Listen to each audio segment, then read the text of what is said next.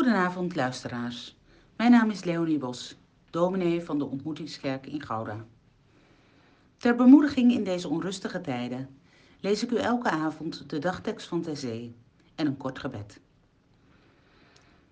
De opgestane Christus zegt: Ik heb ervoor gezorgd dat de deur voor u open staat, zonder dat iemand hem kan sluiten.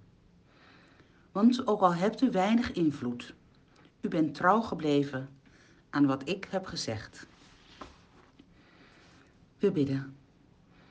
De dag geboren uit het duister verliest zich hier weer aan de nacht. De stilte zoeken wij, zij fluistert ons in het hart dat gij ons wacht.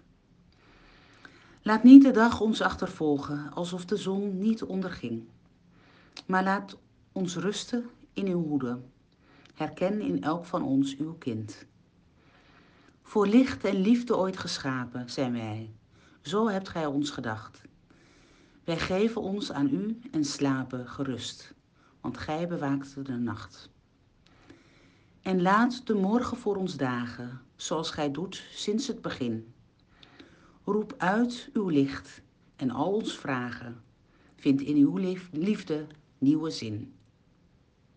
Amen.